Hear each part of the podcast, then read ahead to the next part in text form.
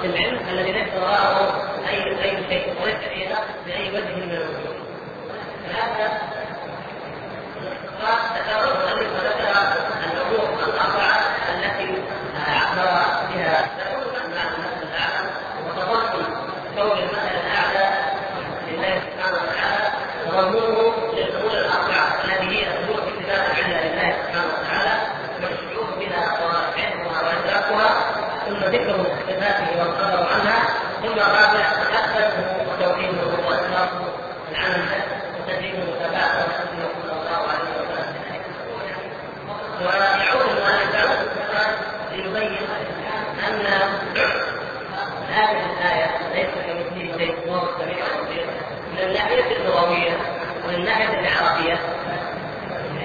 فيها خلاف.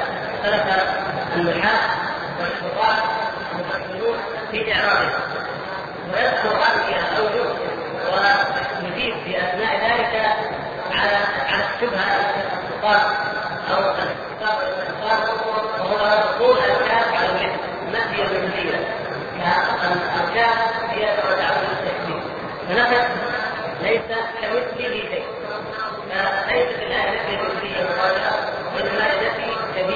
كثير فهل هذه الآية على ظاهرها أظن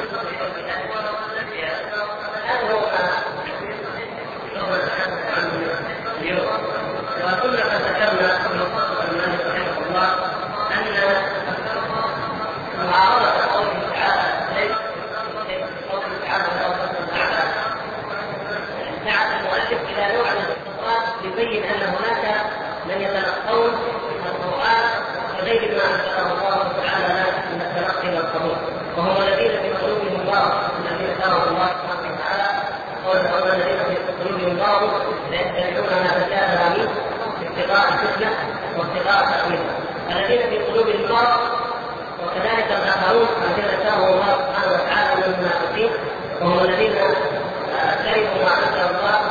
وقالوا من غيره من الذين كرهوا ما أنزل الله أي المنافقون الذين قالوا المنافقين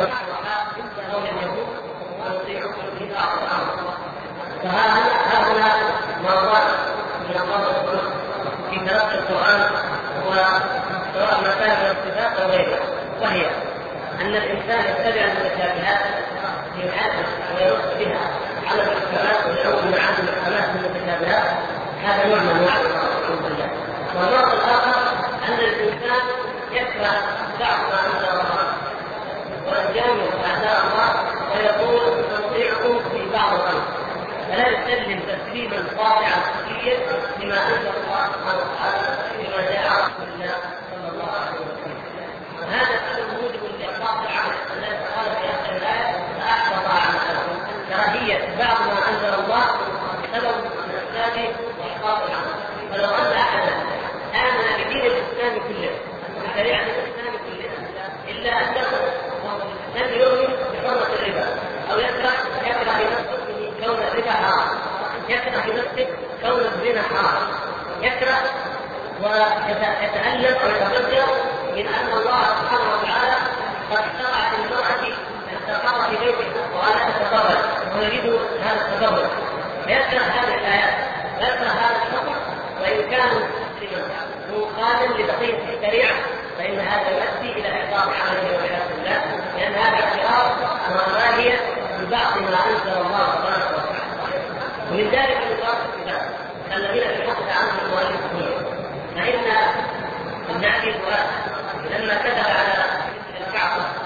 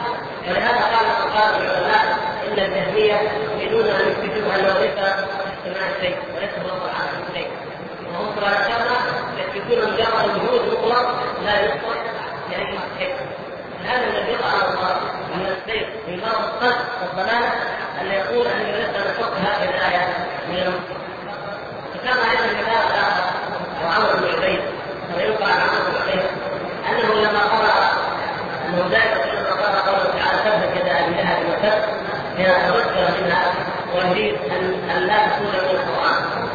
سبب سبب ذلك عند هذا الرجل إن كان عمرو وغيره أن عقله الخاطر الضعيف يقول كيف ينزل الله هذه الآية؟ يدا ابي لهب وتب وفيها دليل على أن ابا لهب سيموت. كيف ينزلها ويقول لها من عباد حي هذا السؤال يريده عليه من ثلاثة. يقولون فلو أن أبا لهب قال أنا اتحدى محمد وأؤمن ومن آمن دخل الجنة فكيف يكون موقف صلى الله عليه وسلم إذا فعل ابو لهب ذلك؟ فحيروه هو اثار ما عرف الجواب فقال يا ريت أنا كنت افصل الصورة هذه من المصحف المفتاح نقول كده من هذا من أكبر يا إخوان تعطينا على شيء على قاعدة. قاعدة لا فيها كيف يقع الصلاه وكيف يقع الخير وهو لأنه يأتي اليه عدم رد الأمر إلى أهل العلم. فاسألوا أهل الذكر إن كنتم لا تعلمون. ولو ردوه ويقول الأمر منهم لعلمه الذين يستنبطونه فلذلك اذا جاء الأمر أي أمر علمي أو أمر من امور الدعوه من الآية الأخرى اذا جاء أمر من الخوف هذا من امور الدعوه الدولة الاسلاميه فيرد إلى إلى اولي الامر الذين يعلمون ذلك ونسال وقد لا يكون اشكال أصلا. وهكذا مثلا قوله تعالى فتت يدا ابي لهب المكذب ليس فيه اشكال على الاطلاق لماذا؟ لأن الله سبحانه وتعالى خلق ابا لهب ويعلم عناده ويعلم كبره ويعلم أنه لن يؤمن. فمن المحال أن يقع بخلاف ما قدره الله. الله تبارك وتعالى انزل القران بمقتضى ما عمل وما قدر ان اعداد هذا الرجل لم يوم من الأيام يرعوي ويتوب إلى الرشد ويسلم. فسيظل ابناء على الكفر حتى هذا علمه الله عز وجل في القدر. ومن المحال أن يقع شيء خلاف ما قدره الله تبارك وتعالى. ابدا. المساله ليست لهذا اذا كان يجعل الانسان عندما يعجز عن ذكر وعندما يواجه بقضية يتمنى أن هذه الآية موجودة أو أن هذا الحديث لم يصح عن رسول الله صلى الله عليه وسلم وانما اذا جاءت الايه ولم صح الحديث فتلقاه بالايمان وبالتصديق وبالقبول فإن اشكل علينا شيء في معناه إلى أهل العلم من الاحياء أو من الأموات من كتبهم فإن لم نعرف المره رددنا علمه إلى الله سبحانه وتعالى. فاعترفنا ويجب أن نعترف دائما بعجزنا وجهلنا وقصرنا عن فهم كثير مما جاء به الوحي. هذا هو ومن مع ذلك ينتقل المؤلف إلى أو يعود إلى إلى اعراض كمثله في قوله تعالى ليس كمثله شيء وفي إعراض كمثله وجوه أحدها أنها مغفرة في سبيل التأكيد قال رسول الحجر ليس كمثل الحجر غير خلق والديه بالصواب وقال آخر ما يلتمسه إلا من البشر وقال آخر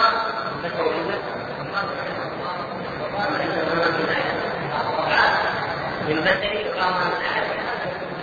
هذا الوضع وقال آخر وبدني كمثل جذوع النخيل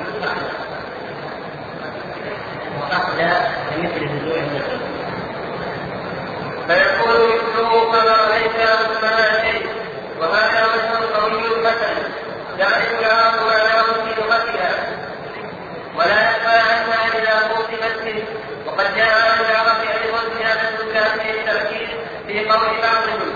وصالحات كسماء السفين وقول آخر فأصبحت مثل كعرض مأكول الوجه الثالث أن الزائد مثل أي ليس كقول شيء. وهذا القول بعيد لأن مثل لأن مثل القول بزيادة الفرق إلى التأكيد. أولى من القول بزيادة الثالث أنه ليس ثم زيادة أصلا بل هذا من بعد قولهم مثلك لا يفعل كذا أي أنت لا تفعله. وأتى بمثل وأتى بمثل المبالغة وقالوا في بعد المبالغة هنا أي ليس كمثله مثل لو فرض المثل فكيف ولا مثل وقيل غير ذلك والأول أظهر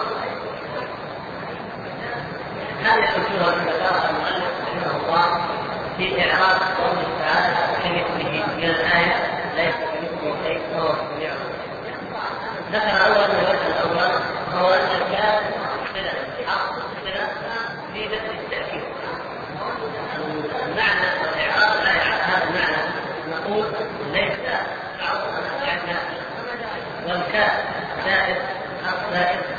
ومثل اسم مجموع وهذا المثل في موضع الخبر خبر بحيث لو كان غير القرآن قلنا ليس مثله شيء ليس مثله شيء شيء هو شيء والخبر مثل كلمة مثل متقاتل فيكون المعنى أو تكون يكون الإعراب على أساس أن الكاف زائدة وزيادة المبنى زيادة اللفظ لابد أن تقتضي زيادة في المعنى.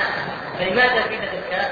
أي زيادة في اللغة العربية؟ من الآثار أو من المباني فإنها تدل على زيادة في المعنى. وهذه الزيادة في التأكيد بتأكيد النفي بتأكيد نفي المثل ليس كمثله شيء فيقول المؤلف أن هذا الوجه قول الإسلام ويقويه ويدل يستدل على ذلك بما ورد في كلام العرب مما يدل على ذلك وهو زيادة الكاف في الأبيات التي أوردها مثلا ليس كمثل الفتى معنى الشاعر كان ويقول ليس مثل الفتى غير أحد من الخلق فقال ليس كمثل الفتى غير زيادة في تأكيد أنه ليس هناك من يشبه غير في الخلق غير الممنوع في خلق وقال الآخر يقول لا تنزله في الناس من احد أو لا يستنزله في الناس من بشر هذا أيضا هذه الكاف هنا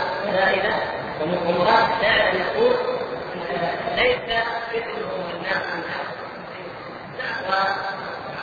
وجاء بهذا المعنى وبهذا الأسلوب فيكون على هذا الوجه قوله تعالى ليس كمثله شيء وهو السميع البصير ليس الواحد يصور مبتدا فعل وخبر مقدم ومبتدا مؤخر جيدة الكاف بالخبر المقدم وهو مثل والدلاله على على تاكيد المعنى والحرف والصله إلى الزائد يكون يعمل لفظيا يعمل لفظا وإن لم يكن المعنى لا يغير الحقيقة ولا يغير المعنى إنما يعمل في اللفظ. وزيادته تدل على لا أن يكون لها معنى وهذا ما يكون ذلك على التاكيد كما في قوله تبارك وتعالى يا أيها الناس اذكروا نعمة الله عليكم هل من خالق غير الله؟ اي هل خالق غير الله. فمن هنا حق حق جاءت زيادته بالتأكيد. ولهذا ياتي المتبوع التابع اللي بعده معقوفا مرفوعا بناء على المحل. هل خالق غير الله؟ هذا هل من خالق غير الله؟ فجاءت على حق المحل لأن المحل مرفوع ولم يأتي بحسب اللفظ وإن كانت من اللفظ قد ادت إلى خط جر قوله الخالق.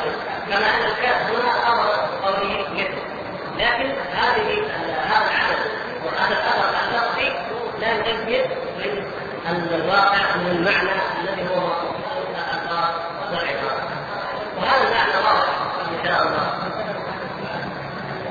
يقول قد جاء العرب أيضا زياده الكاف للتأكيد في قول بعضهم وصاليات كما يؤثر هذا طبعا ان الكاف تقابل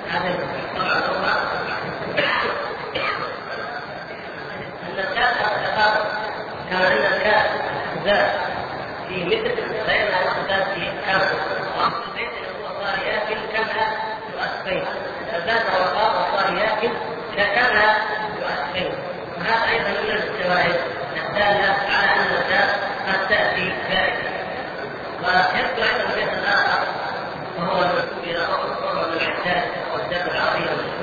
فيقول فاصبحت مثل كعصف مأكول فاصبحت مثل كعصف مأكول مراد الشاعر يقول فاصبحت مثل عصف مأكول أو فاصبحت كعصف مأكول لكن جاء بكذا وجاء بالكاف معا للدلاله على التاكيد سيما هنا الوزن في الرجل يقتضي ان يأتي بكلمه فجاء بكلمه جاءت المعنى ولا لا وعدم الاخلاف باللفظ لأن الرجل كما تعلمون هذا من البحور الشعرية أن ستة عشر في وضعها قليل. نعم. ومن أكثر افعال العرب.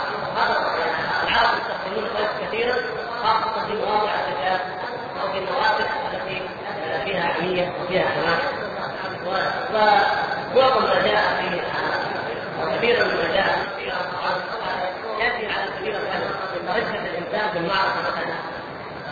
فلم قوله هذا هذا المثل الذي الآن فيه الا مثلا. أو جعل الطيار. يحقق الجنة والجنه واقترابها طيبه وغرابها وهو مؤذن عذابها من علي إلى غير وغرابها وباب ذلك مما هو يستخدم هذا الشخص من الحقوق بكثره الشاهد انه هذا الكلمة هنا فينا دعوه الرجل دائما له رد معين هو مستبعد مستبعد مستبعد كما تعالى لو حصل مره من المرات في اثناء التسليده ولو مره واحدة جاء متفاعل ولا مستبعد يعني لم يكون الثاني مستعجل يستبعد والثاني يتحدث متفاعل لاحظت القصيدة من بعض أركانها الذي هو متفاعل متفاعل متفاعل ولكن إذا وجدنا يعني بقية التي فيها مستفعل متفاعل وليست مستفعل إذا وجدنا يكون الباقي متفاعل يعني أن يوجد بعد هذا الشاهد يعني المقصود أن هذا البحر لما جاء وهو من أكثر الشعراء أو هو يمكن اعظم ساعد واعطيه في هذا المصائب في كل منقلب فجاء بهذا فجاء بالزياده صح الذين الولي رجل البحر ومع ذلك إلى في هذا المعنى فاصبحت مثل تعقل المعقول ولذلك نحن نقسم مثل واقرب شاف ان البيت لا ينبغي الا هذه الخطه فإذا تأتي اركان زائدة. أما بقول وهذا فاصبحت مثل عقل المعقول المعنى صحيح. وهنا وهو إذا كان زائد. كما في قوله تعالى هذا هو الوجه الثاني أن الزائد هو كلمة مثل. الوجه الثاني أن الزائد هو كلمة مثل. والمعنى ليس كمثله أي ليس كهو. على هذا الوجه المعنى معنى الايه ليس كهو أي كذلك تعالى شيء وهو السميع البصير ومثل هنا زائد لأنه ليس لله سبحانه وتعالى مثل ونفس العدل المثليه ويكون كالكاف هي التكبير وهذا مثل زائده واعتبار كانه مثل اعتبار بين الجار وبين المجهول والاصل ليس كهو شيء وهو السميع بعد هذا مثل قوله تعالى لئن امنوا بمثل ما آمنتم به فقد اهتدوا المقصود اذا قلنا إن المؤمن هو الله عز وجل. حتى لو قلنا القران فالمقصود ليس أن نؤمن بمثل الله الله تعالى ليس له مثل وحتى إذا قلنا القران ليس المقصود فان آمنوا بمثل القرآن. لا المقصود إن آمنوا بالقرآن. هو بعد هذا مثل قوله تعالى فإن آمنوا بمثل ما آمنتم به فقد اهتدوا. المقصود إذا قلنا المؤمن به هو الله عز وجل. حتى لو قلنا القرآن فالمقصود ليس أن نؤمن بمثل الله، الله تعالى ليس له مثل. وحتى إذا قلنا القرآن ليس المقصود فإن آمنوا بمثل القرآن. لا المقصود إن آمنوا بالقرآن أو فإن آمنوا بالله عز وجل. وهذه هنا فائدة المعنى فائدة لفظها زائد ليس كمثل فإن آمنوا بمثل ما آمنتم به المعنى فإن آمنوا بما آمنتم به. هذا لكن نريد كلمة مثل نلاحظ أن هناك فرق بين هذه الآية المفرقة بين الآية التي هنا. لأن لدينا هنا اسم وحرف. الحرف هو الكاف. والاسم هو مثل. ليس كمثل. فأيهما أولى أن يجعله الثالث؟ أيهما اللي أكثر في هذا؟ الحرف ولا الحرف؟ نعم. فالأولى إذا هذا المذهب الثاني يضعف لأنه يجعل الاسم جائزا ويجعل الحرف أصليا فالأولى أن نقول ليس كمثله شيء. أن نجعل نجعل الكاف زائدا والحرف والاسم هو الأصل إذا يقول هذا القول بعيد لأن مثل الاسم والقول بزيادة الحرف للتأكيد أولى من القول بزيادة الإحسان. المثل الثالث الآية أنه ليس هناك زيادة أصلا ليس في الآية زيادة لا نقول فيها زيادة يقول آه عندما تقول عرض مثلك لا يفعل كذا فالمقصود به لأنهم قالوا أنت لا تفعل كذا. مثلك لا يملك في القبائل مثلك لا يفعل كذا مثلك يفعل كذا. أي أنت تفعل وأنت لا تفعل. وإنما يأتي بكلمة مثل والمقصود بها أنت المخاطب لكن هنا ليس كمثل شيء أي ليس كذلك فهو شيء. فيكون ليست زائده وإنما هي جاءت كما تأتي العرب هذا المعنى هذا فيقول مثل فلا يفعل هذا أي انت لا تفعل وأتى بمثل في المبالغه وقالوا في معنى المبالغه هنا كيف يعني معنى المبالغه؟ قالوا أي ليس كمثله لو فرض له مثل فكيف ولا مثل له؟ يعني ليس لله عز وجل مثل لكن لو فرض لو فرض فإنه ليس لمثله مثل. فهذا يكون من هذا المعنى يكون أقوى في نفي عن الله عز وجل. هذا القول القول الثالث الذي يقصد أصحابه به أن لا لا زيادة. وبعض الناس يحتج أو يقول يعتمد على هذا القول دائما أو يقول به بالقرآن. فإذا قلت مثلا لا اقسم يوم القيامة قال بعضهم ان لا فائده يقول لك لا القران لا في فائده ما هي في القرآن في فائده وكذلك هنا بعضهم على ان يقول لا ليس في زياده وليس فيها معنى والحقيقة أن الذي يقول إن هذه الكلمة زائده لا يعني بها أن في القرآن شيئا زائدا يمكن أن نستغني عنه أو لا قيمة له. لا. إنما المقصود هذه لمعرفه معاني الالفاظ ومعاني الكلمات لا أكثر ولا أقل وإلا بالمعنى لا شك أن قول لا أقسم بيوم القيامة انه أبلغ وآخر من قوله أقسم بيوم القيامة حتى لو كان المقصود كما يقول هؤلاء. لا لا يعني لا يقول أحد أنه هناك شيء. زائد في القرآن معنى أنه لا قيمه له أو أنه نستغني عنه لا إنما المقصود أصل العبارة في أصل الكلام. لا يوجد فيه هذا الحال كما قلنا هل من خالق غير الله. ففي أصل الكلام ليس هناك خالق غير الله. لكن هذه من زائده من الناحيه الأصلية. أما أنها محتاج إليها أو لها فائدة نعم لها فائدة عظيمة وهي التعليم. فانها قولك ليس هل من خالق غير الله أقوى من قولك هل خالق غير الله. فمعنى الزياده ليس اننا في معنى أو ليس معنى الزيادة أنه لا فائدة فيها وأن فضلا ليس لها قيمة وإنما المعنى من حيث اللفظ من حيث الالفاظ والاختلاف اللفظي لمعرفة معاني الالفاظ ودلالات الالفاظ والا فان الزيادة نفسها هي معنى مراد ومقصود الزيادة نفسها قد تكون مرادا وقد يكون المعنى بغير هذه الزيادة أقل منه بالزياده فهي أيضا مما يأتي بالفائدة. مما يكون له فائده الزيادة. كما أن مما يكون له فائده إيه؟ الحد. هذا معروف في لغة العرب. هذه الثلاثة الأمور الوارده في الآية. وهي واضحة إن شاء الله تبارك وتعالى. قوله خلق الخلق بعلمه خلق اي اوجد وانشا وابدع ويأتي خلق اي بمعنى مصدر والخلق مصدر وهو هناك معنى المخلوق.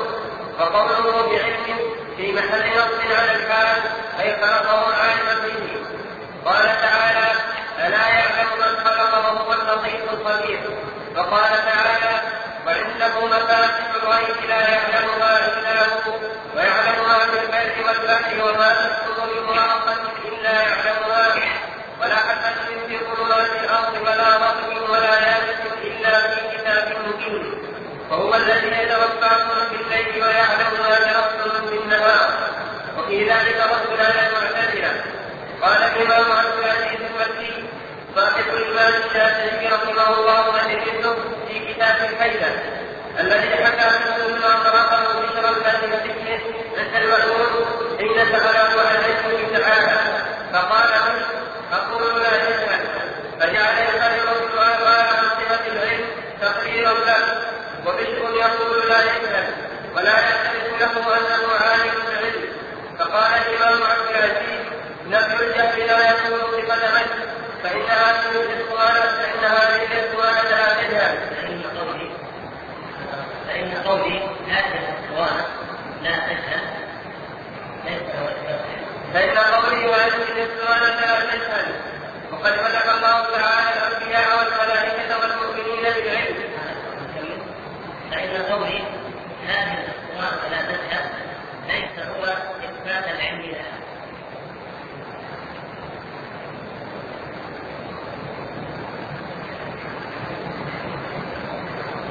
فإن قولي هذه الأسطوانة لا تذهب هذه الأسطوانة لا تذهب ليس هو إثبات العلم لها وقد مدح الله فساد من الكلام وقد مدح الله تعالى الأنبياء وقد مدح الله تعالى الأنبياء والملائكة والمؤمنين بالعلم لا بنفي الجهل فمن أثبت العلم فقد نفى الجهل ومن نفى الجهل لم يثبت العلم وعلى الخلق أن يثبتوا ما أثبته الله تعالى بنفسه وينكروا ما نفاه ويمسكوا عما أمسك عنه والدليل العقلي على علمه تعالى أنه يستحيل إيجاد الأشياء مع الجهل ولأن إيجاده الأشياء بإرادته والإرادة تستلزم تصور المراد وتصور المراد هو العلم بالمراد.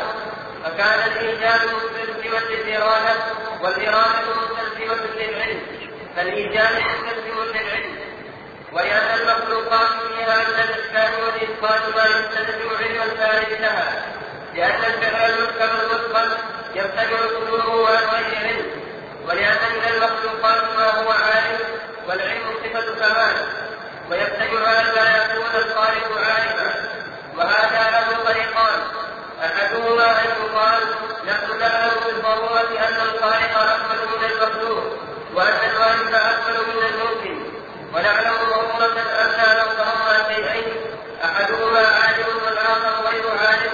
كان العالم أكمل. فلو لم يكن الخالق عالما لزم أن يكون الممكن أكمل منه وهو مبتدع الثاني أن يقال كل علم في الامتنان التي هي من المخلوقات فهو منه ومن الممتنع أن يكون فاعل الكمال ومبدعه عاليا منه بل هو أحق به. والله تعالى له المثل الاعلى ولا يستفيد هو والمخلوقات لا في قياس تفكيره ولا في قياس بل كل ما ثبت للمخلوق من كمال فالخالق احق فالخالق به أحق وكل نقص تنزل عنه مخلوق ما فتنزيه الخالق عنه. هذا المسألة المؤلف رحمه الله الفقرة الثامنة عشرة وموضوعها إثبات صفة العلم لله سبحانه وتعالى. إثبات صفة العلم والأدلة من الكتاب ودليل أيضا الفطرة والعقل على أن الله سبحانه وتعالى عالم. فالمؤلف رحمه الله تعالى يقول خلق الخلق بعلمه. خلق الخلق بعلمه كما قال الثالث إن خلقه عالما به. خلق الخلق أي المخلوقات خلق المخلوقات بعلمه أي حال كونه عالما بهم فهذا فيه إثبات للعلم فالذين يثبتون أن الله هو الخالق وحده سبحانه وتعالى وقد كان العرب في الجاهلية هكذا ولئن السماوات يقولون الله وكل من أثبت ويثبت أن الله هو الخالق. عليه أن يثبت أن الله سبحانه وتعالى عالم بهذا نصل على من ينكر هذه الصفة صفة العلم. فيستدل على ذلك في الآيات كقوله تعالى ألا لا يعلم من خلق وهو اللطيف الخبير وفي آيات كثيرة وهو الحليم الحكيم أو إنه كان عليما حكيما وأمثال ذلك مما على إثبات صفة العلم. آيات وأحاديث وأدلة عقلية أيضا لا تحصى ولا تحصى في إثبات علم الله سبحانه وتعالى. ومنها ما تقدم الحديث عنه وهو المرتبة الأولى من مراتب القدر هو العلم بأن الله سبحانه وتعالى يعلم ما كان وما سيكون وما لم يكن لو كان كيف يكون وأنه سبحانه وتعالى كتب ذلك كله وقدره عنده وعلمه به جل جلاله وأن وقوع كما الله وقدره لا يفيده سبحانه وتعالى علما بالشيء فإنه يعلمه على صفته التي سيكون عليها قبل أن يكون. ومن ذلك علم الغيب قاطبة وهو هذا استدل المؤلف هنا رحمه الله تعالى في آية الأنعام وعنده مفاتح الغيب لا يعلمها إلا هو. وأمثال ذلك من الآيات الدالة على أن الله سبحانه وتعالى هو المتفرد بعلم الغيب. فهذا إثبات لصفة العلم.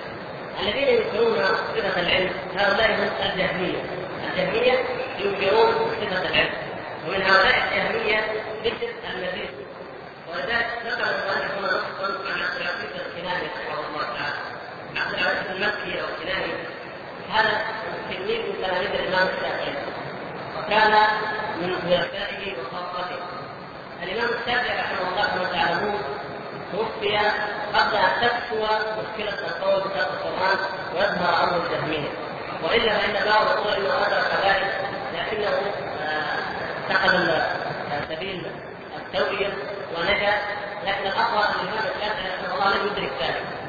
وانما ذاكره التلاميذ ومنهم عبد العزيز المكي أو كنان فلما قرأ هذه الفتنة وفشت عند المأمون هنالك رحل عبد العزيز الكناني كما بين ذلك في كتابه الحيدة أظن تعلمونه أو عندكم نسخ منه ذهب إلى الخليفه المأمون واستعد لمناظرته أمام الناس على الملأ ومناظره هؤلاء الذين ينكرون صفات الله سبحانه وتعالى ويحدثون كتابه. وكتب الإمام عبد العزيز المكي خلاصه ما دار بينه وبين هؤلاء القوم في كتابه المسمى الحيدة هناك من يقول إن كتاب الحيدة ليس لا تصح للامام العزيز السلام قد يكون الكتاب بهذا الشكل الكامل ربما يكون قد بعض الفئات لكن الكتاب له أصل نظريه لها وهي هذا ان الحوار هذا قد جرى قد وقع بين الكلاب وبين المعنى وأن الذي كتب هذه هذا الكتاب والمحاورة والمناظرة هو أن يكون هو ابن عبد العزيز الكناني الذي اصطحبه معه من مكة إلى بغداد ليناظر النبي. بشر هذا رجل يهودي كان أبوه صفاء يهوديا كما قال ذلك الإمام أحمد. وهذا الرجل تعلم الفلسفة تعلم الكلام ليفسد بها دين الإسلام. وكان زميلا للقاضي أبي يوسف القاضي المعروف. فكان القاضي يقول له يا بشر إما أن تدع الكلام أو تفسد علينا خشبة. تفسد خشبة يعني إيش؟ يعني نصبك على خشبة فنحفر هذه الخشبة. يعني أن أنت يا بشر لا تخسر من قتلك شيء بل نستفيد لكنك تفسد علينا خشبة.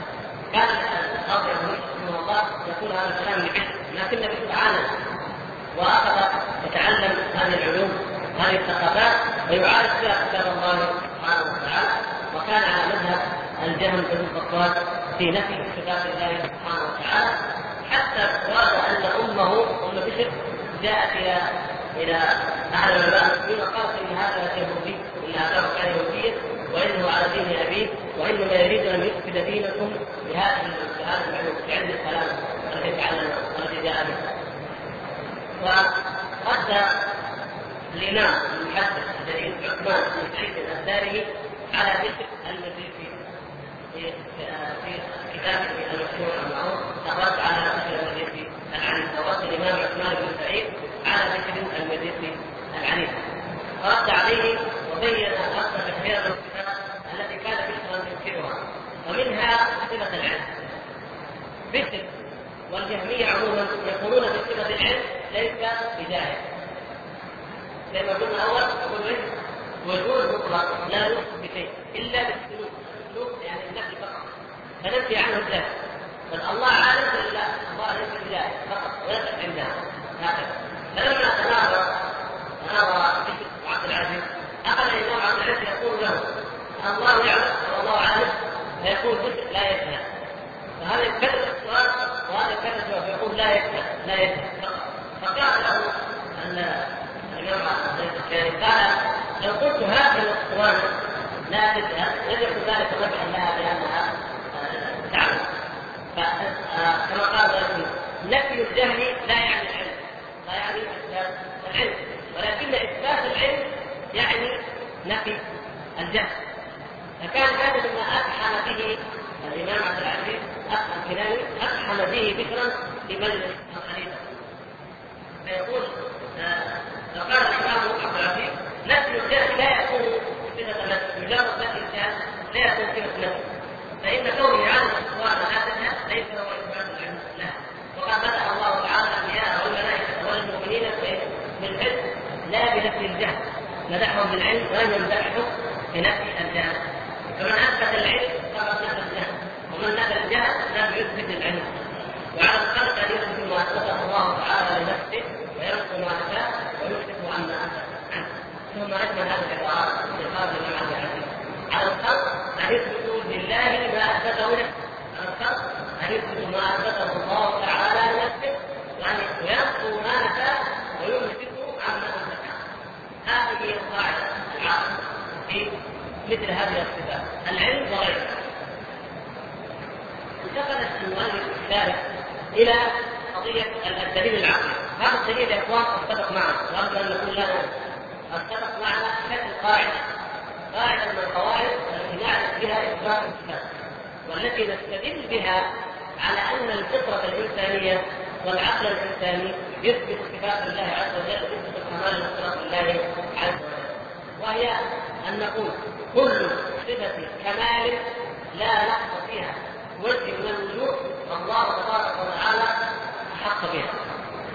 كل صفة كمال لا نقص فيها وجه من الوجوه الله تعالى أحق بها. فلو جئنا إلى العلم؟ العلم صفة كمال ولا نقص؟ العلم كمال والمخلوق يمدح بأنه عالم وكلما كان المخلوق أكثر علما كلما كان هذا أكثر نفس كلما كان زيادة مثل أن تقول هو أكثر علما من فلان. فالذي له المثل الأعلى جل شأنه سبحانه وتعالى هذا هو له العلم. يجب ان يثبت له العلم من باب الأولى. والمخلوق انما هو مستمد للعلم مما أعطاه الله اياه سبحانه وتعالى من العلم. هذه القاعدة اختارها المؤلف في هذه الكلمة يقول الدليل على علمه تعالى أنه يستحيل إيجاد الأشياء مع الجهل؟ هذه أول خطوة. يستحيل إيجاد الأشياء مع الجهل.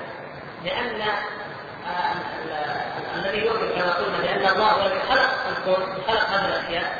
يقول نعم الله خلقها. فلماذا تذكر العلم؟ يستحيل أن توجد هذه الأشياء مع الجهل. فما يخلقها إلا من يعلمها. فلا يعلم ما خلق وهو اللطيف الخبير. سبحانه وتعالى الشيء الثاني أن الايجاد والخلق لا يكون إلا بإرادة.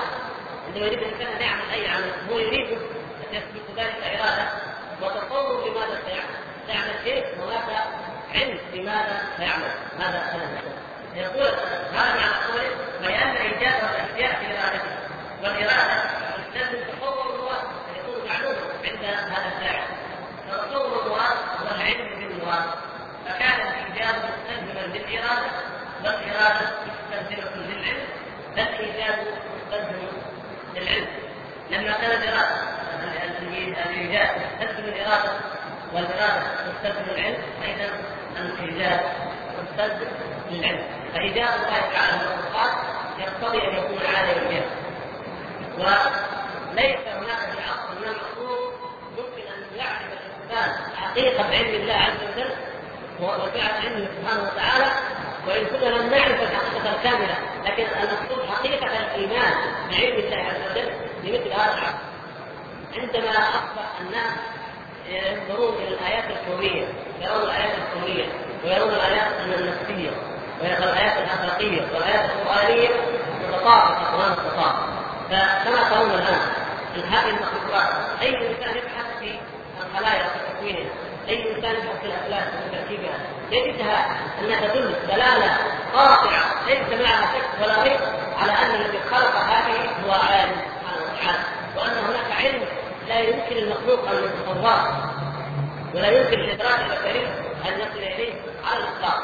هذه أدلة فطرية وحسية وعقلية يسقط معها هذا قول من يقول إننا لا نثبت بالله تعالى العلم وانه مجرد نفي الجهل ولكنه الهوى وغلبت القواعد الفلسفية والكلامية المخالفه للكتاب والسنة. هذا معنى قوله ولان المخلوقات فيها من الإمكان والاتقان ما يستلزم علما فاعلا لأن الفعل المحكم المطلق يمتنع حضوره وايجاده أخي على طريق الحق هنا منتصف الشريف كل إنسان متكلم. وبيت انسان اذا بيت متكلم. هذا قياس إيش؟ قياس الشمول. فلا أن تقول كل موجود كذا. مثلا والله موجود إذا تطبق عليه القاعدة. لأن الله سبحانه وتعالى لا يدخل تحت قياس الشمول. ومعروف أنه لا يدخل تحت قياس التنفيذ وهو نقول إذا حسبنا هذا لفلان فنسبته لله مثلا لمثل أيضا فلا يدخل الله سبحانه وتعالى تحت قياس لا في قياس التنفيذ ولا في الشمول يقول إذا كل ما ثبت للمخلوق من كمال فالخالق فيه حق وكل نفس تنزه عنه مخلوق ما فمن فيه الخالق عنه اولى هذه القاعدة.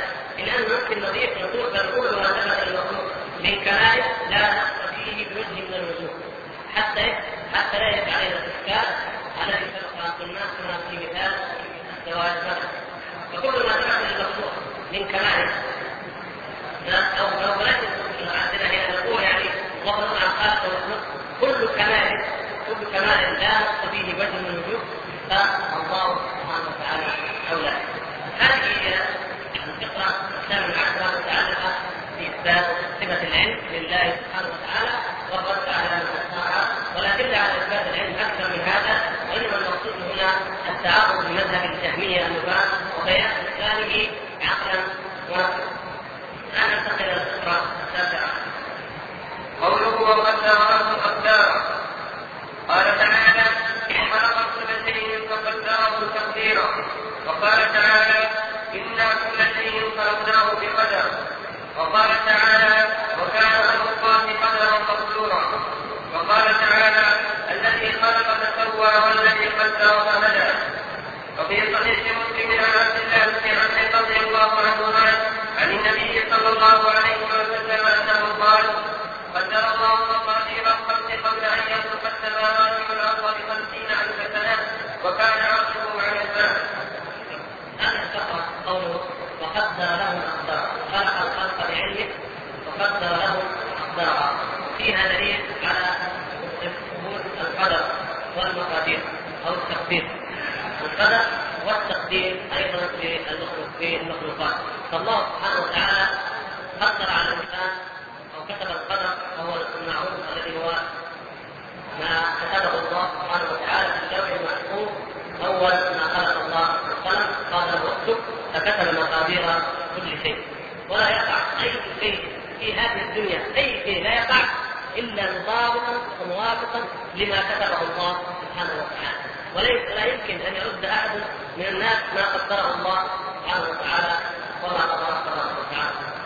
وهذا قد سبق لشرحه في مبحث الاراده وكما تعلمون أن الايمان بالقدر هو احد اركان الإيمان السته يعني يؤمن الإنسان بالقدر وأن الله سبحانه وتعالى علم بكل شيء. قبل أن يوجد هذه الأشياء قبل أن يخلقها فهو عليم بها وقد قدر ما كل ما كان وما سيكون وكتبه وهو عليم به سبحانه وتعالى. وأن الخير والشر هو الله سبحانه وتعالى ولا يتنافى هذا مع ما قد سبق أيضا تقريره من أن سبب الخير فضل الله سبحانه وتعالى وسبب الشر ذنب العبد. المراد والمقصود أن هذا كله من عند الله سبحانه وتعالى وهو الذي قدره وكتبه وليس هناك لا معقب لحكمه ولا راد لقضائه بأي وجه من الوجوه بل كما قال النبي صلى الله عليه وسلم واعلم أن الامه لو اجتمعوا على ان يضروك بشيء لم لم لم يضروك الا بشيء قد كتبه الله لك وكذلك ولو اجتمعت الامه على ان ينفعوك لن ينفعوك الا بشيء قد كتبه الله لك رجعت الاقلام وجفت الصحف فهذا دليل من ادله كثيره على ان الله سبحانه وتعالى قد كتب وقدر وقد كتب القدر وأيضا قدر الله تعالى المقادير التقدير يعني التقدير بمعنى بمعنى مقادير المخلوقات. فخلق بمعنى الموازين التي توزن بها. خلق الله سبحانه وتعالى كل شيء أيضا بقدر أو خلق كل شيء فقدره تقديرا قدره تقديرا ومن هذا الباب أيضا من باب التقدير الذي هو بمعنى وضع الأمور. ان يخلق كل شيء بمقتضى الحكمة التي قدرها الله سبحانه وتعالى ومقتضى ما شاء الله سبحانه وتعالى فيه. فهذه مقادير المخلوقات من الحياة ومن الموت من الحجم من الطول من العرض مقادير الأمور وتقديرها هو الذي خلقها وهو أيضا من خلق الله سبحانه وتعالى. كما قال الذي خلق فسوى والذي قدر هذا التقدير لا من القدر. وإن كان المعنى اللفظي واحد لكن القدر الذي هو ركن من اركان الإيمان أن نؤمن بأن الله سبحانه وتعالى علم كل شيء وكتبه وكتبه وقضاه وقدره وانه لا يقع الا علم سبحانه وتعالى وكتب وقدر وقضى وأنه لا يخرج عن هذا شيء وأما ايمان بتقدير الله ومقاديره بالمخلوقات فهذا جزء من ايماننا بأنه هو وحده الخالق الحكيم البارئ المصور سبحانه وتعالى. وهذا الحديث قد سبق أن شرحناه قبل قليل قبل حلقه أن الله قدر مقادير الخلق قبل ان يخلق السماوات والارض في خمسين ألف سنة وكان عقله على لم يقال في إثبات القدر إلا القدريه في في في مراتب الخلق والعالمين الاربع منهم من قال في العلم وهذه أقل الطريق أقل درجه قال في إثبات العلم. وقد سبق أن قلنا أن من أنكر العلم من القدرية فهو كافر. من أنكر علم الله فهو كافر. وانما أكثر وقع الخلاف ليس بالعلم وإنما هو في أفعال المخلوقين ولهذا جاءت الفقرة الثانية وهي امتداد في هذه الفقرة. فقرة المتعلقة الفقرة المتعلقة بالآجال. في آجال المخلوقين ليرد بذلك على المعتزلة الذين يقولون بأن الآجال ليست في تقدير الله سبحانه وتعالى أو أن الآجال تقع خلاف ما كتبه الله على الناس التي تفسره وفيها أيضا مبحث يتعلق بموضوع الدعاء موضوع الذي يرد القول قوله وضرب لهم آجالا يعني أن الله سبحانه وتعالى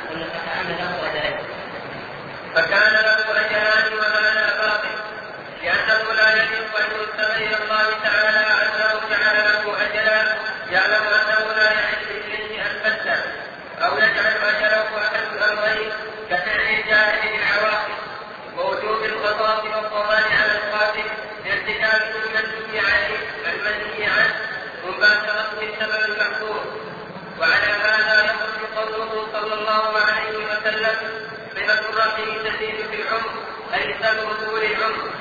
وقد قدر الله أن هذا يقف رحمه فيعيش بهذا السبب إلى هذه الغاية. ولولا ذلك السبب لم يصل إلى هذه الغاية. ولكن قدر هذا السبب وقضاه وكذلك قدر أن هذا يقطع رحمه فيعيش إلى كذا كما قلنا في القتل وعدم فإن قيل هل يلزم من تأثير صلة الرحم من هل يلزم من تأثير صلة الرحم في زيادة العمر تأثير الدعاء في ذلك أم لا؟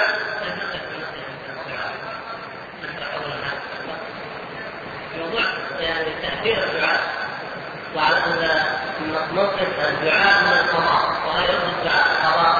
يعني الآخر حتى ناخذ الفترة الأولى وهي قضية الآجال قول الصحابة رحمه الله وضرب له الآجال في هذه هذه الجملة مأخوذة ومستنبطة من الآيات الكثيرة الدالة على أن الله سبحانه وتعالى قد جعل الخلق أجالا فإذا جاء أجلهم؟ لا يستأخرون ساعة ولا يستقدمون كما هو معلوم من آية كثيرة. يقول الشاعر يعني أن الله سبحانه وتعالى قدر آجال الخلائق بحيث إذا بحيث إذا جاء أجلهم لا يستأخرون ساعة ولا يستقدمون قال تعالى فإذا جاء أجلهم لا يستأخرون ساعة ولا يستقدمون وقال تعالى وما كان لنفس أن تموت إلا بإذن الله كتابا مؤجلا وننتقل الحديث الذي في صحيح مسلم أن إثبات الآجال وأن الله سبحانه وتعالى جعل لكل مخلوق أجل هذا ثابت بنفس الآيات والأدلة التي التي تثبت القدر ومنها الحديث الصحيح الذي حديث الله المسعود في المؤمن بالجليل وأنه يكتب رزقه وعمله وأجله وشقي أم سعيد. فيكتب هذه الأربع كلمات يؤمر الملك بكتب أربع كلمات. منها الأجل. يكتب الأجل أجل الإنسان. يكتب وهو ما يختار في بطن أمه فليس هناك أي مجال يعني أن يتوقع أحد أن هذا الأجل يمكن أن يتغير أو يمكن أن يبدل وقد كتبه الله تبارك وتعالى على الإنسان وهو يختار في بطن أمه. يقطع الأمل ويقطع تعلق الناس لأن أحد غير الله يملك أن يمد في عمر فلان أو يحصل من عمر فلان أو أنه إذا قتل فلان فإنه قد انتقصه شيئا من عمره. بل الآجال والأرزاق كما جاء أيضا في الحديث الصحيح الآخر يقول النبي صلى الله عليه وسلم إن روح القدس وهو جبريل عليه السلام نفث في روحي أنه لن تموت نفس حتى تستكمل رزقها وأجلها. فاتقوا الله وأجملوا في الطلب إذا طلب الواحد كلمة مرضية يطلب بإحسان ويجمل في الطلب لا يلح يستعب بل يجمل في الطلب فإنه لن تموت نفس حتى تستكمل الطهاره حتى آخر لحظة عند الموت تاتي الانسان الذي يتضاعف الموت بطعام تاتي بكاسه كاسة ماء يشرب منها النصف أو الربع أو الثلث ويرد الباقي. ثم يموت ما كان من رزق المطلوب كارثه وما لم يكن مقصودا له بأس وهكذا. فلن تموت نفس حتى تكمل. وتستوفي ما كتب الله سبحانه وتعالى لها من الرزق. وكذلك العمر. لا تموت نفس تستوفي وتستكمل ما كتب الله لها من العمر وإن كان لحظة واحدة أو نفسا واحدا فإن الله سبحانه وتعالى قد أحصى كل سبحانه وتعالى وهو العليم بكل شيء وقد تقدر مقادير الخلائق ومقادير كل شيء فإنه لا يقود العبد نفسه أو نفس مما كتب له أن يعيش إلا ويعيش. ولم يعيش نفسا آخر لم يكتب الله عز وجل انه يتنفس أو أنه يعيش. فالأمر هكذا قد فرغ منه. انتويت المقصوره ورفعت واللوح المحفوظ قد كتب وقضي ما فيه وما على العباد إلا التسليم والانقياد والافعال والإيمان بكل ما يقدره الله عز وجل ويقضيه. حديث أم حبيبة أم حبيبة بنت أبي سفيان رضي الله تعالى عنها والحديث صحيح دعا الله سبحانه وتعالى سمعها النبي صلى الله عليه وسلم وهي تدعو الله. قال اللهم أمتعني بزوج رسول الله صلى الله عليه وسلم وبأبي أبي سفيان وبأخي معاوية تدعو الله أن يمتعها بزوجها رسول الله صلى الله عليه وسلم وبأبيها وبأخيها النفس البشرية هكذا. تتمنى تتعقد للخلود وتدعو وترجو أن تخلد أو يخلد من تحب. نفسها يعني شيء موجود في النفس البشريه وليس هذا الشيء في ذاته في المحظور ما دام أن الله تعالى قد جعله. وله حكم فيه هذا الشيء هو الذي جعل أبانا آدم يطيع الشيطان. أو مما جعله يطيع الشيطان أن تكون ملكيا أو تكون من الخارجين. فلما اغراه الشيطان بالخلود قد تكون من الخارجين إذا اكلت من الشجره لأن النفس الإنسانية تكره النور تكره الفناء والانقطاع فإذا إذا اكلت من هذا يكون من الخارجين. هذا له عن قضيه أنك إذا أكلت فإنك تقع بمعصيه الله وهكذا الإنسان دائما. الموت وحب الحياة وحب المال وحب الأولاد ياتيه فيشغله وينفيه عن طاعة الله سبحانه وتعالى وعما أمر به الله سبحانه وتعالى. عمر حمزه رضي الله تعالى عنه لما دعت ذلك سمعها النبي صلى الله عليه وسلم قال قد دعوت الله بآجال مضبوطه وايام معدودة وأرزاق مقسومه. ما في يعني ليس هناك لن يزيد عمر احد يوما واحدا ولن يزيد رزقه ولا ذره واحدة ولن يتأخر اجله ولا لحظه واحدة. بسبب هذا الدعاء الذي قد يدعوه الانسان أو بأي سبب من الأسباب يظنه الانسان واشهدها هي الأولى والأحرى والأجدى قال ولو أنك قلت لاباء فليحدث بين اولادته ولا يؤخر شيئا عن اجله ولو كنت سالت بالله ان يعيدك من عذاب في النار ومن عذاب في القبر كان خيرا وافضل الأولى بالانسان هذا من عذاب الدعاء أن الإنسان يسأل الله سبحانه وتعالى من عذاب يعود بهم عذاب النار ويعود من عذاب القبر. يسأله من نعيم أي يرجو من الله سبحانه وتعالى ما يتعلق بالنجاة وبالفوز الأخروي. ما يتعلق بالنجاة عند الله وفوزه في الآخرة. هذا أهم وأولى ما يجب أن ترجوه فيه. أما ما أن يدعو الإنسان بأمر فيه اعتداء هذا خطأ وأن يدعو فيه نوع من الاعتداء أو رائحة الاعتداء. كالدعاء طول العمر مثلا. الدعاء طول العمر فيه رائحة الاعتداء. فهو أنك كأنك كان تريد أن تعتدي بالدعاء بمعنى إيه؟ بمعنى أنك تعلم أن الله عز وجل قد ضرب أجلا محددا وأنك أنك تطلب أن يزيد وأن يمتد هذا الأجل مع علمك بأنه لا يمكن يزيد وهذا مثل قد مات فيأتي واحد يدعو بجميع أنواع الأدعية والتطوعات والوارثة مثلا وغيرها ويدعو الله أن يحيي هذا الميت هذا محال هذا اعتداء. هذا من الاعتداء. فالإنسان لا يدعو الله تعالى بدعاء في اعتداء وإنما يدعوه بما فيه خير الدنيا وخير الآخرة والأولى أن يدعوه بما فيه علاقة بالنجاة والفوز من الفوز بالجنة والنجاة من النار. ويذكر المؤلف رحمه الله بعد ذلك في بيان رد على المعتزله التكميه والمعتزله وخاصة المعتزله هذه القضية إن الله سبحانه وتعالى خلق الخلق وخلق الأعمال والله تعالى خلق النور وخلق اسباب النور وخلق الحياة وخلق أسباب الحياة. فهو الخالق للجميع بخلاف هم يقولون إن العبد يخلق فعل نفسه فلو أن احدا قتل احدا فإن هذا القاتل قتل المعتزله هذا القاتل قد قطع أجله. أجله الذي لم يقتله لعاش حتى يبلغه ولهذا يقتل القاتل. قالوا نقتل القاتل لأنه قطع الأجل الذي قدره الله ولولاه لكان لعاش الانسان وصل إليه. يرد عليهم المؤلف رحمه الله تعالى في قوله إن الله سبحانه وتعالى هو الذي خلق النور وخلق أسباب النور. وهو الذي قدر أن هذا يموت في وهذا في مثلا وهذا في القتل في ذلك السيف وهذا في اي ماضي هكذا هذا هو الذي قدره هو الذي قدره وهو الذي خلق سبحانه وتعالى. وأما المعتزله فقولهم هذا واضح مطلق لأنه يستلزم إثبات أجلين إثبات أجلين. أجل حقيقي وهو الذي مقدر كما يقولون وأجل واقعي وهو أنه عندما جاء أحد وقتل هذا الإنسان فانه هذا هو الاجل الحقيقي يقول المؤلف عند المعتزله المقتول مقطوع عليه أجل. ولو لم يقتل لعاد إلى أجله فكان له اجلان وهذا ظاهر لأنه لا يجب أن ينسب إليه تعالى أنه جعل له أجلا يعلم أنه لا يعيش إليه. ما الفائده ان الله يجعل له أجل؟ وهو يعلم أنه سيقتل دون أن يدرك هذا أجل ليس له قيمة. أو أن يجعل اجله احد الامرين هذا باطل الله جعل اجلين فقال ان كتب هذا المعتزله يريدون هذا. يقول خلق الله له يعيش 60 سنة. قتل واحد عمره 40 سنة.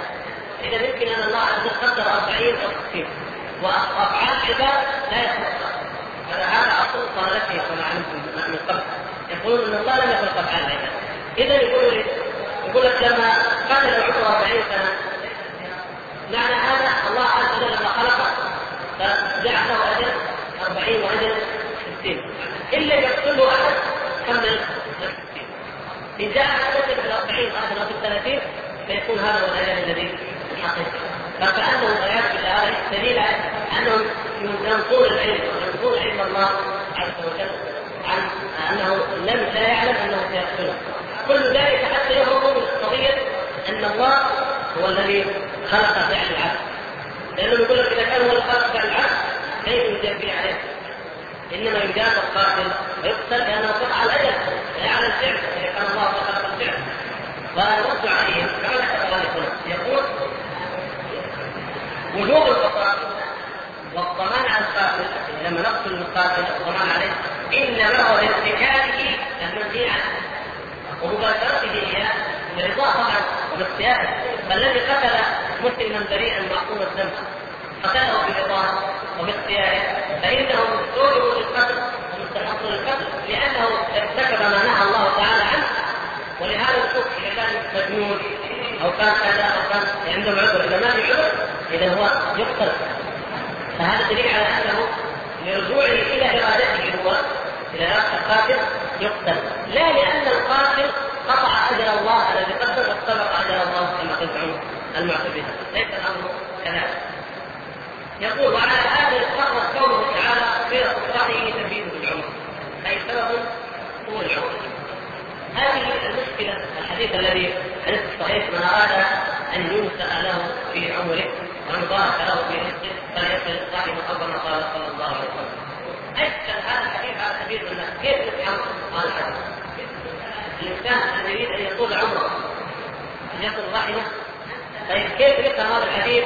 مع فهمنا أن الله عز وجل قد كتب الأجل قبل أن يخلق الإنسان في حديث المسعود وهو في بطن أمه كتب الملك أربع كلمات. كتب منها اجلا فإذا كان أجل مكتوب قبل أن يخلق كيف يقول إنه لما يصل رحمه بعد أن يخلق بعد أن يوجد؟ يكون هذا من اسباب زياده العمر. آه، الجواب على ذلك أنه نفس القاعده أن الله خلق النتائج وخلق يعني مثل النور والحياة وخلق الله سبحانه وتعالى الأسباب.